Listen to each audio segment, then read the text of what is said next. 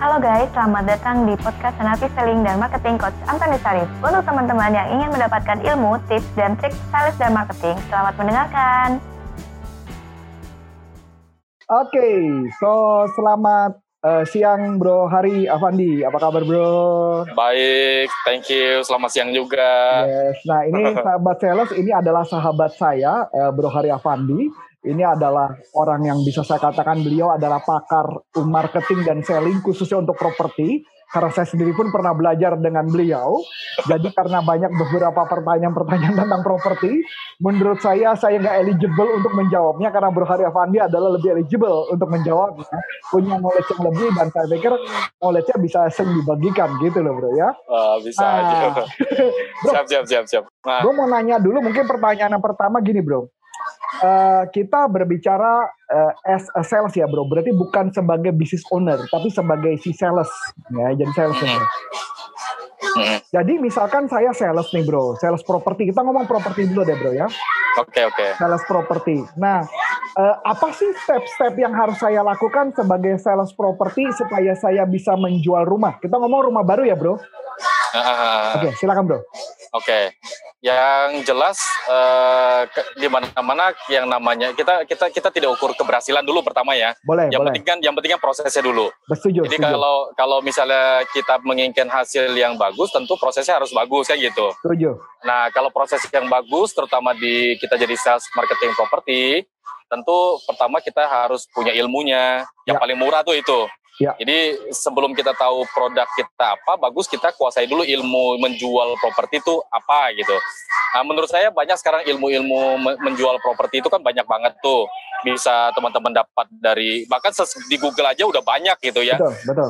Tapi referen tapi referensinya juga banyak. Contohnya teman-teman bisa bisa bisa belajar contohnya ke uh, Aryo Diponegoro contohnya. Ya, ya. Tuh teman-teman juga bisa jualan apa bisa belajar jual contohnya ke uh, dengkotnya properti lah sales atau misalnya kayak uh, Pak Matius Yusuf, Bong Chandra. Ya, ya kalau sempat-sempat ya lihatlah ke Hari Avandi contohnya gitu bro ya. ya. Tentu, nah, tentu, jadi, tentu. Nah, jadi uh, sebelah yang paling pertama adalah kuasai dulu ilmunya karena hmm. ilmu itu yang paling murah sebenarnya. Ya, setuju. Nah, uh, jadi mulai dari mana ilmunya? Pertama ya ilmunya tentu uh, kita tahu dulu sifat properti kayak apa. Properti itu kan bisa dibilang liquid, bisa bilang juga nggak liquid. Nah, liquid itu liquid nggak liquid tergantung kecepatan atau knowledge-nya atau ilmunya si pen, si sales tadi me, me, me, merealisasikan itu dalam bentuk transaksi. Okay. gitu. Jadi yang pertama ya pasti kuasai ilmunya. Ilmunya apa? Ilmunya apa apa saja. Pertama ya tentu pengetahuan tentang sales pada umumnya. Yeah. Nah, Mr. Arif juga banyak tentang sales juga. Jadi sama, sebenarnya barangnya sama gitu. Jadi mau jual properti, mau jual apa, jual, mau jual mau jual barang-barang retail pun sekalipun sebenarnya prinsip sales kan sama. Ya. Nah, jadi uh, uh, apa teman-teman bisa kuasai ilmu ilmu ilmu jualan. Kedua, prinsip uh, properti. Jadi properti itu apa gitu. Jadi properti contohnya misalnya itu antara tanah dan bangunan, terus uh, fungsinya apa. Kalau saya bilang produk knowledge lah gitu. Jadi produk knowledge-nya tentang properti yang mau dijual tentu harus dikuasai. Uh, bagaimana cara dapat properti knowledge yang yang baik? Ya tentu eh, pertama ya kita harus tahu barang yang kita jual itu apa gitu. Oh, okay. Jadi jadi kalau kalau ilmunya ada, terus kedua knowledge-nya kita ju, kita tahu apa barang yang kita jual, ya tentu jadi kita lebih percaya diri. Tujuh. Nah, yang ketiga ya kita baru baru belajar skemanya kayak apa gitu. Apa yang harus dikuasai di dalam skema transaksi bisnis properti. Ya tentu harus kenal namanya sertifikat. Kita tahu namanya pihak kedua contohnya kayak notaris. Nah kita tahu yang jual yang ju, proses jual beli itu apa yang dijual apa yang dibeli. Nah, terus basic pendapatannya dari mana kan gitu.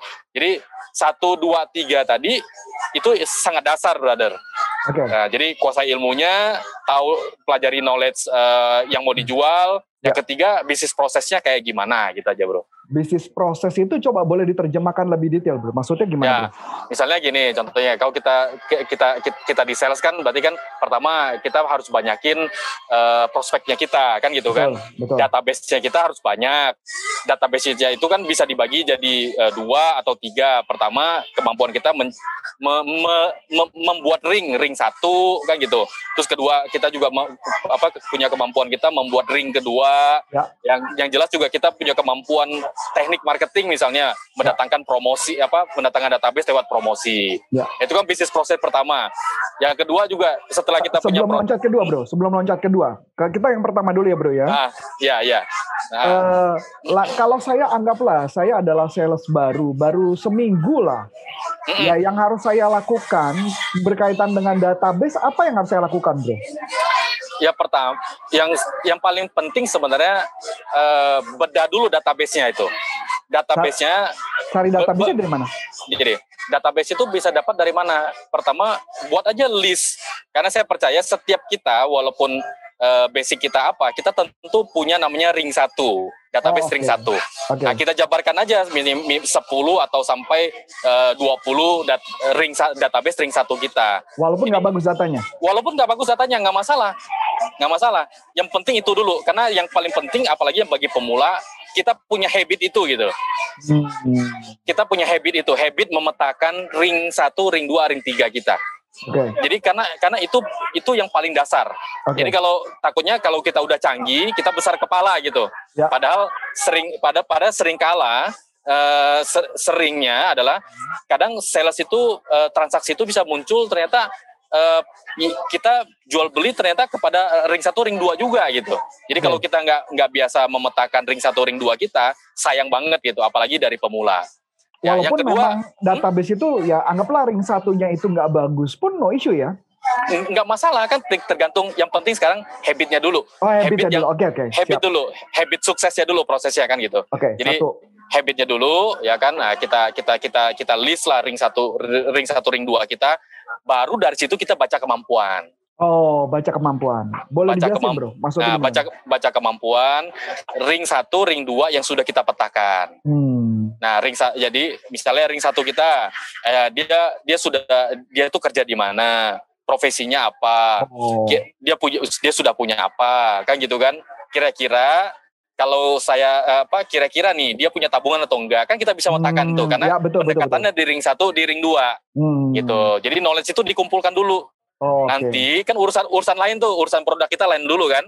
Hmm. Jadi kuasai dulu marketnya. Jadi marketnya itu adalah orang yang membeli hmm. kan gitu. Hmm. Ya ring termasuk ring satu dan ring duanya kita. Hmm. Kita petakan database kita. Jadi jangan hanya tahu tulis nama satu, nama dua, nama tiga. Tapi setelah kita tulis, kita mampu baca kemampuan di di data yang kita tuliskan gitu brother. Oke, okay. terus kemudian nah. kalau seandainya anggaplah ya kita saya mau coba mm -hmm. gua agak ngomongnya agak jauh dikit nih bro. Kalau okay. anggaplah ring satu sudah, ada cara hmm. lain nggak untuk mendapati database lain dengan metode menuliskan data, eh, data kayak gitu bro? Oke, okay.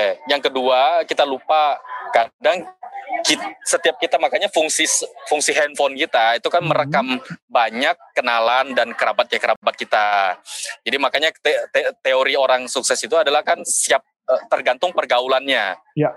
Kan gitu ya. Makanya mulai sekarang smartphone itu diisi sama teman-teman yang juga pu, apa uh, pu, punya kemampuan. Hmm. Jadi kalau bisa ya tadi kan itu juga bisa masuk ke zona ring duanya kita. Jadi oh. nomor handphone yang kita punya kan kita jarang kebiasa kan hmm. karena kita anggap biasa hmm. Eh, kontaknya kita kontak WA kan kita berkontak itu ketika kita buka buka handphone kita setuju, tapi setuju. jarang jarang kita listkan dalam bentuk misalnya masukkan ke dalam bentuk Excel database-nya nah pekerjaan sederhana ini ayo kita pindahkan gitu hmm. kita pindahkan eh, data kontak yang ada di telepon kita data kontak yang ada mungkin di teman kita dari ring satu kan tentu mereka juga punya kontak gitu ya. betul, ya. Betul. Jadi kita mintakan itu sederhana banget ya. Jadi oh. bagi pemula ya kita petakan, kita keluarkan. Nah, setet, dan itu baru kita kaji lagi hmm. kemampuan mereka seperti apa gitu hmm. bro. Oke jadi, jadi ya. Jang, ini this is good idea sih, this is good Jadi nggak kalau... usah sibuk-sibuk gitu, nggak usah sibuk-sibuk okay. jualan dulu. Jadi orang sales yang sukses itu nggak pernah belum apa nggak pernah melakukan sesuatu itu tanpa dipikirkan. Oh, jadi iya, lebih bagus betul, betul, betul. pikirkan dulu, baru kerjakan gitu. Ya kebanyakan kan sales lain kan adalah mereka malah jualan rumahnya dulu di media sosial dan sebagainya, betul ya? Padahal nggak begitu rumusnya. Ya. Betul. Ya? Enggak lah, enggak lah. Jadi enggak lah. Jadi kalau pemula, mumpung pemula ya, hmm. mumpung pemula, bebannya juga enggak besar, hmm. uh, beban beban income-nya juga belum besar. uh, targetnya juga belum besar, lebih baik kuasai dulu ilmunya sebanyak-banyak mungkin. Nah, gitu. sekarang saya gue mau nanya gini, eh, ini menarik kalimat lu tentang pemula. Seandainya ini adalah sales yang sudah berpengalaman, sudah berpengalaman, tapi dia masih bingung dapetin database. Tips trik apa yang mungkin lu bisa dapatkan selain tadi mengenai ring satu dan ring dua? Lu pernah nggak memakai kayak model media sosial dan sebagainya sih, bro? Jadi itu sering banget ya, karena gini, karena biasanya gue pakai media sosial gue selain untuk branding, percaya nggak percaya, sejak gue pakai Facebook sampai hari ini, kayaknya udah belasan tahun, udah 10 tahun mungkin lebih. Ya, ya, ya. Uh, karena nomor nomor handphone gue ini aja yang gue kasih ke Bro Arif ini, itu nomor handphone gue dari SMA. Berarti okay. kur, berarti kurang lebih udah mau 20 apa 18 tahun kan gitu ya. Dan tapi cukup bilang, ya Uh, jadi database tak cukup. Jadi apakah sebenarnya apakah kita pernah bingung? Tentu bingung. Namanya namanya pekerjaan yang kita lakukan setiap hari. Kalau kita nggak upgrade, tentu kita bingung. Hmm. Bingung itu tandanya apa? Pertama berarti mungkin kita mengelola database itu itu saja tanpa upgrade. Ah. Nah, yang kedua mungkin kita bingung kenapa? Karena yang kita lakukan itu itu saja tanpa upgrade ilmu kita. Oh, okay. Nah, yang yang ketiga kita bingung apa pak? Mungkin ya ilmu kita udah kita nggak upgrade, jadi kita bingung. Hmm. Jadi selama selama kita upgrade semuanya dalam prosesnya kita mencari, ya, pasti tidak ada kata bingung. Ya data bisa tumbuh, database tumbuh. Tumbuh dan tidak dan pasti tidak ada orang-orang sukses tidak akan pernah bingung karena okay. dia karena dia selalu upgrade. Okay. Nah, tapi kalau misalnya ini keniscayaan gitu ya, tetap bingung. Yang kita sering lupa adalah sebenarnya kita bersyukur bahwa kita sudah lewati proses yang panjang. Okay. Kita lupa buka kembali database yang lama. Setuju, setuju, setuju.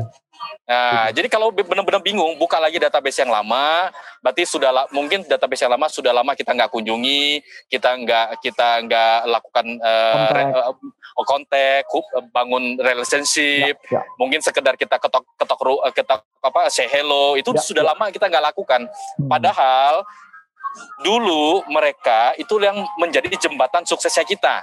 Masuk akal, masuk jadi, akal. Jadi kita udah lah nggak usah daripada bingung, bagus kita ngolah database kita yang lama gitu. Oke, pertanyaan berikutnya nih bro ya. Ini okay, saya bertanya seperti karena memang ada beberapa pertanyaan-pertanyaan ini yang mendasar banget ya. Kan setelah punya database, sudah diolah datanya. Tahap berikutnya kan adalah mulai selling ya bro ya? Mulai selling. Mulai selling. Kemudian kan berarti artinya mulai kontak-kontakan. Betul. Oke, boleh kasih tips nggak? Apa yang lu ngomong? Kita lewatin tentang menjalin hubungan ya, karena gue percaya pasti lu akan menjalin hubungan. Karena gue banget ketika lu juga kontak gue juga salah satu pernah menawarkan properti kan, salah satu kayak gitu. nah, siap, siap, siap bro, siap bro. Uh, ketika anggaplah, kemudian ketika lu menawarkan, ya kan, kemudian kasih tahu gambaran dan sebagainya, kan lu selalu juga ngasih tahu apa keuntungannya properti itu, bener kan? Itu kan lu banget tuh bro. Iya, iya, nah, iya. Pertanyaan menarik adalah ketika mereka sudah mulai. Nah, apa yang akan lo lakukan, Bro, khususnya? Uh, database sudah ada, terus sudah dia mereka ada. mulai gitu, brother ya? Sudah mulai. Nah, nah pertama pertama gini ya, mungkin yang paling gampang adalah uh, jangan kalau database sudah ada, produk knowledge sudah ada, eh, produk knowledge sudah kuasai, yang yang paling penting yang pertama adalah eh, bu, buat target buat target sesederhana mungkin tapi itu urgent. Target sesederhana mungkin tapi urgent. Maksudnya gimana nih, Bro? Contohnya gini. Mulai menurut saya ya saya saya udah udah sebelum Covid aja saya udah bilang apa terutama di, di di kelas workshop yang biasa saya lakukan mulai ke depan ini jangan pernah berpikir target yang besar-besar dan panjang-panjang ya. dan gede-gede lebih bagus buat target yang orang bilang realistis nggak masalah tapi yang penting tercapai oke okay. jadi tapi effortnya harus urgent contohnya okay. gini kalau hmm. dulu kita bilang target per target per triwulan enam bulan gitu ya hmm. kalau bisa di, di kepala kita itu target per bulan yang misalnya kita udah udah bilang target per bulan yang kami yang kita cukup misalnya adalah dua unit. Kita nggak usah bilang target kita 10 unit. Jadi udah kita kejar target dua unit ini yang sesuai dengan kebutuhan, sesuai kebutuhan sesuai, kita. Sesuai kebutuhan kita. Cakep, cakep, dan, cakep. Dan yang paling penting effortnya itu yang harus sungguh-sungguh gitu. Hmm. Jadi percuma target yang besar tapi effortnya apa kita mikir effortnya besar sehingga kita jadi jadi stres sendiri. Masuk akal. Jadi mendingan mendingan targetnya kita buat sangat uh, lebih realistis. Tapi kalau ini tercapai kita bisa apa? Hmm. Nah, sehingga ini ada sehingga kita memancing sesuai mindset kita jadi mudah gitu, mau mudah mau bergerak. Effortnya inilah yang harus benar-benar terrealisasi 100%.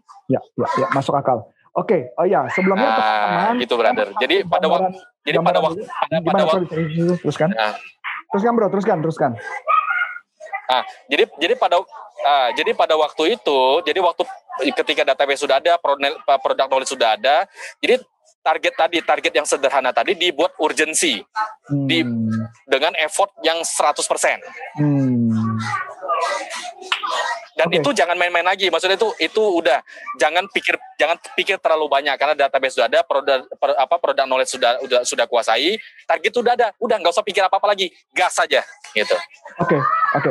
Nah, pertanyaan gue berikutnya gini, bro. Ini gue yakin ini pasti ada jadi pertanyaan berikutnya sama orang-orang adalah ketika orang itu sudah tertarik, kemudian datang ke lokasi ya, bro ya. Biasa kan gitu ya, bro ya. Datang ke Ya. lokasi.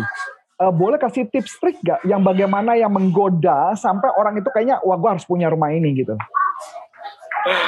Ya, eh, tentu saya percaya sebelum orang se- itu artinya s- harusnya puji puji Tuhan ya, ketika konsumen itu datang produk knowledge-nya apa produknya memang sudah punya nilai value sendiri. Jadi kita nggak perlu susah-susah lagi untuk eh, untuk untuk membuat dia terke- terkesan dengan kita kan gitu. Karena produknya sudah ultimate. Nah, pertanyaannya bagaimana produk itu kalau nggak kalau so-so biasa-biasa saja. Nah, tentu yang kita jual adalah kan kepribadian kita.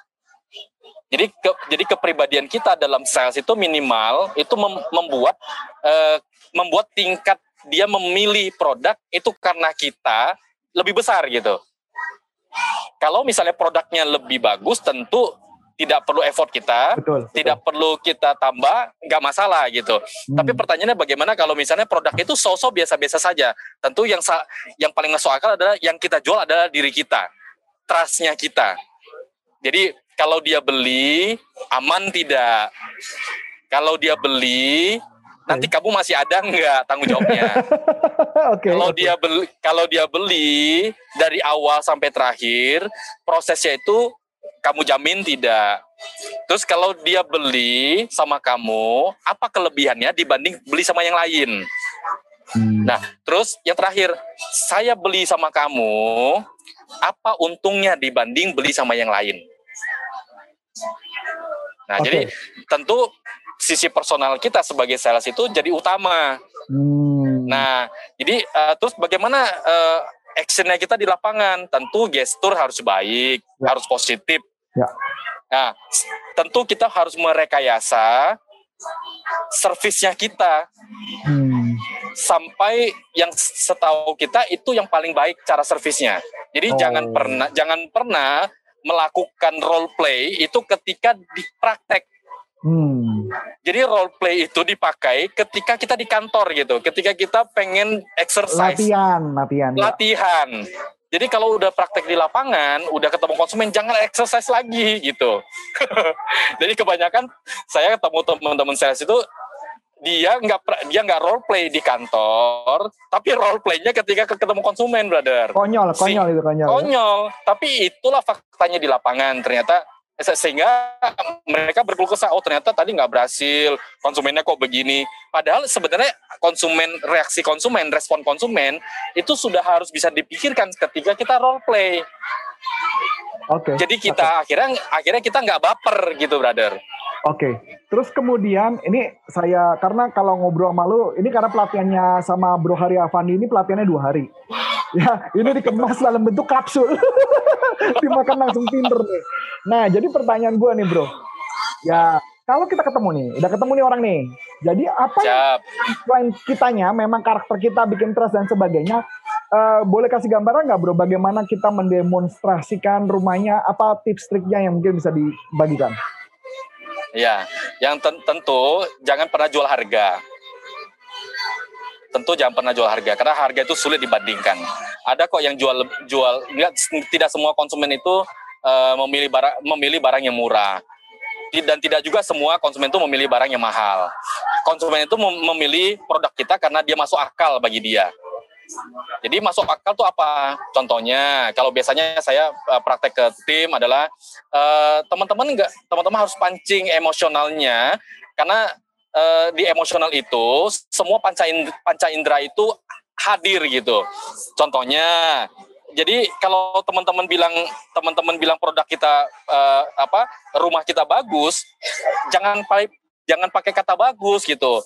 Tunjuk tangannya, kita tunjuk dengan tangan kita. Ayo persilakan dia masuk dan dan benar-benar nikmati. Jadi nik, nikmati up, uh, tour yang ada di rumah yang akan saya presentasikan gitu. Dan kalau bisa inilah di role play dan kalau bisa tuh direkayasa dulu gitu. Buka pintu tuh jangan sampai kita lupa buka kunci itu sebelah kanan atau sebelah kiri. Karena ini sederhana banget gitu. Jadi harus di role play dulu, semua harus direkayasa dulu. Okay. Yang tidak bukan by by apa bukan bu, bu, apa bukan spontan. Jadi buka pintu sebelah mana dulu dibuka ya udah itu apa yang harus dia nikmati? Kayak kita ngomong aja misalnya ngomong wah, rasakan udaranya yang segar ya pak. Eh, coba coba bapak lihat ya, apa tumbuhan yang kita tanam di pekarangan hijaunya. Ini baru satu bulan loh pak. Contohnya kalau satu bulan. Jangan jangan bilang udah setahun bilang satu bulan. Ya kita ngomong apa adanya tapi semua yang kita pancing adalah apa yang membuat dia masuk akal terhadap produk itu. Hmm.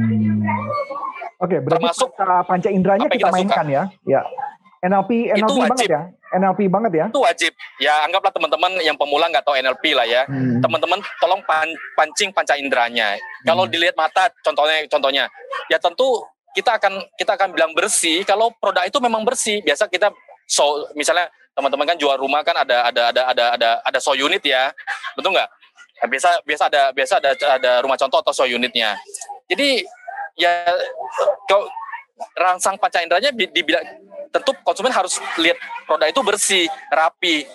Ya kita nunjuk bersih dan rapi itu dilihat dari mata konsumen kan mata kita aja bilang harus bersih, tentu harus bersih jadinya. Ya biasanya tuh kebanyakan ya, bilang bersih, tapi ternyata begitu dibuka kamarnya kotor misalnya. Itu kan hal sederhana yang membuat nilai kita jadi turun gitu. Jadi ya okay. mainkan itu gitu.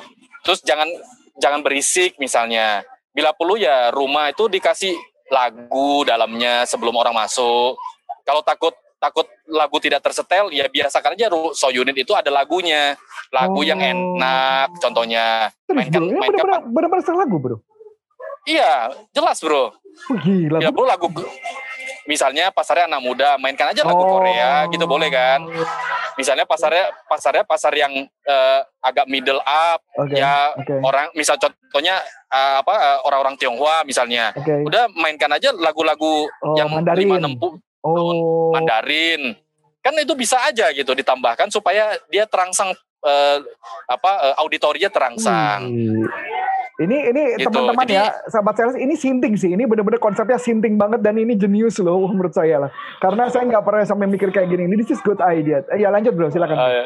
Jadi jadi jadi aman jadi kalau teman-teman pemula belum ngerti NLP, jadi rang, rangsang aja semua panca indera yang ada gitu. Contohnya kayak mata, konsumen mau lihatnya bersih, kita pun mau bersih. Berarti di area lingkungan itu harus bersih dan rapi, tata letaknya yang baik. Walaupun mungkin nggak tidak banyak perabot, lebih baik tidak banyak perabot tapi tetap bersih daripada banyak perabot tapi berantakan. Setuju brother ya? Karena yang kita jual itu tentu walaupun bukan bukan masalah harga, orang itu beli itu beli produk kita selain beli beli kepercayaan kita. Nah, kedua panca tadi kita bisa tambahkan musik-musik yang yang sesuai dengan base customer kita. Nah, terus mungkin ya tadi juga apa yang diraba, contohnya kayak gagangan pintu. Ya ya kan itu kan terasa ya kan. Nah, kita ada ada ada ada sisi, sisi kinestetiknya. Jadi ya mainkan gitu. Jadi jangan sampai gagangan pintu itu misalnya berkarat ya. Berarti kan kitanya nggak siap dengan produk knowledge kita kan. Ah. knowledge knowledge siap tapi begitu di lapangannya nggak siap kan nggak boleh. Hmm. harus sinkron.